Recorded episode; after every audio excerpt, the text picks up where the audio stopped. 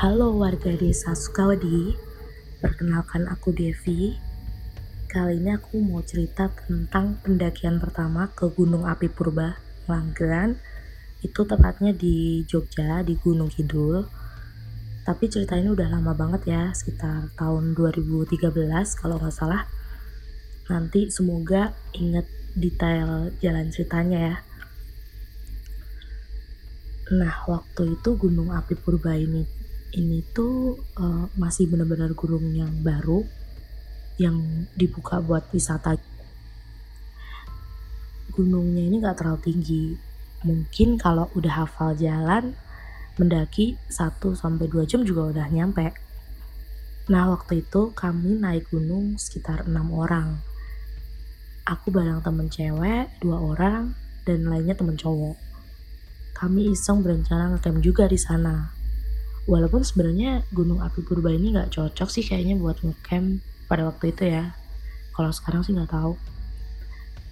Uh, karena nggak ada tanah lapang gitu di atas cuma pekarangan gitu banyak pohon-pohon dan sesuai namanya Gunung Purba ya. Jadi sebenarnya ini tuh gunung uh, batu gitu loh banyak batu-batuan gitu sepanjang trek kami naik waktu itu kalau nggak salah sekitar sore hari. Aku lupa sih tepatnya jam berapa?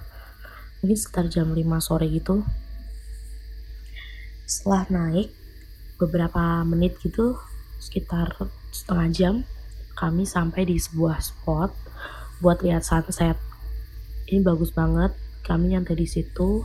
Ceritanya nanti habis sunset kita naik lagi uh, lalu cari tempat buat camp gitu sekitar berapa jam kami nyantai di spot itu? Gak kerasa sih tiba-tiba aja udah jam 6 sore atau jam 7 waktu itu. Kami mutusin buat naik cari tempat camp dan nemu satu tempat yang gak terlalu luas kayak cuma kayak karangan gitu dikelilingin pohon dan muat buat dua tenda. Dan ada bekas sampah pendaki gitu dan kami yakin di situ pasti semalam buat ngecamp juga. Ya udah deh berarti aman misal mau camp di sini gitu. Pikir kami waktu itu. Lanjutlah kami nyalain kompor sedangkan yang cowok itu bangun tenda. Yang cewek masak. Karena kami udah lapar banget kan waktu itu uh, kami cuma bawa tenda itu kecil doang cuma muat buat lima orang. Dan karena ada teman kami yang badannya tuh gede jadilah tenda itu cuma buat tidur cewek-cewek dan cowok begadang di luar dan tidur di atas matras gitu. Biar adil katanya. Yang namanya cewek ya jelas tidur lebih dulu gitu jam 11 malam kami udah mapan bobo. Sedangkan yang cowok itu masih ngopi-ngopi ngobrol gitu-gitu. Aku tidur di sebelah temenku namanya Lia.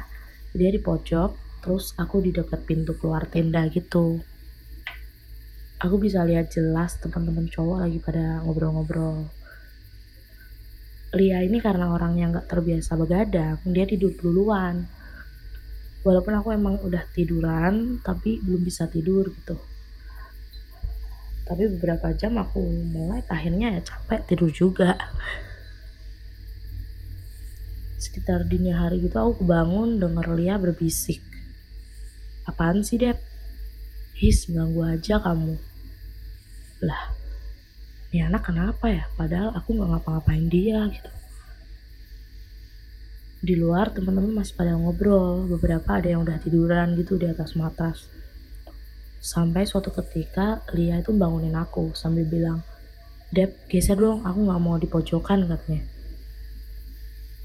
Hmm ya udah deh waktu itu aku cuma jawab hmm gitu doang tanpa tanya kenapa. Tiba-tiba dari arah luar tenda itu teman-teman yang tadinya ngobrol seketika diem dan mereka buru-buru ambil senter di dalam tenda yang ada tepat di atas kepalaku, tasnya. Mau gak mau waktu itu aku kebangun juga kan sambil tanya. Mau pada ke mana gitu. salah satu temenku jawab benar-benar kita dengar orang ngaji di atas pengen nyamperin aja ya udah waktu itu dua temenku yang ambil center tadi itu nyamperin ke atas ke arah suara itu. Beberapa menit pas balik aku tanya ada apa sih? Mereka jawab ada sekelompok pendaki itu mereka lagi ngaji katanya. Ada salah satu temennya pamit buang air udah berjam-jam gak balik. Terus aku tanya lagi kan lah kok bisa sih? Terus temenku jawab nggak tahu jadi mereka baca surat-surat Al-Quran buat bantuin temennya kalau tersesat biar bisa ngikutin arah suaranya katanya. Semoga nggak kenapa-kenapa deh gitu katanya. Akhirnya kami berlima nggak bisa tidur sampai pagi. Ada dua temanku yang jaga tenda ketika dua teman lain nyamperin itu tadi. Panggil aja namanya uh, Wahyu dan Bimo ini dia di tenda bertiga sama aku uh, berempat sama Lia udah tidur. Waktu temen yang dua tadi itu nyamperin sekelompok orang yang lagi ngaji tadi. Itu tuh mereka kelihatan murung banget terus uh, pengen buru-buru turun katanya. Mereka nggak ngomong apa-apa pengen turun aja bawaannya. Padahal kami pengen, masih pengen nyantai kan jadi siangan gitu baru turun pikirku tapi ya udah deh kayaknya mereka agak sakit atau capek gitu. Uh, mungkin ngantuk juga kan belum tidur sama sekali. Akhirnya setelah makan kita bongkar tenda foto-foto bentar sampai akhirnya kami turun bareng sama anak yang ngaji semalam gitu. Nah ada salah satu temanku yang tanya mas gimana temennya nah terus mas salah satu mas-masnya yang uh, sekelompok yang pada ngaji semalam itu dia jawab itu dia udah balik mas. Sampai subuh baru balik katanya lupa jalan gitu. Tapi alhamdulillah nggak apa-apa gitu. Oh yaudah deh alhamdulillah kalau gitu. Kami pikir tapi tiba-tiba si anak yang hilang semalam ini nyeletuk mbak mbak mas berhubung ini udah sampai bawah Aku mau cerita ya. Semalam itu aku lewat di depan tenda kalian loh.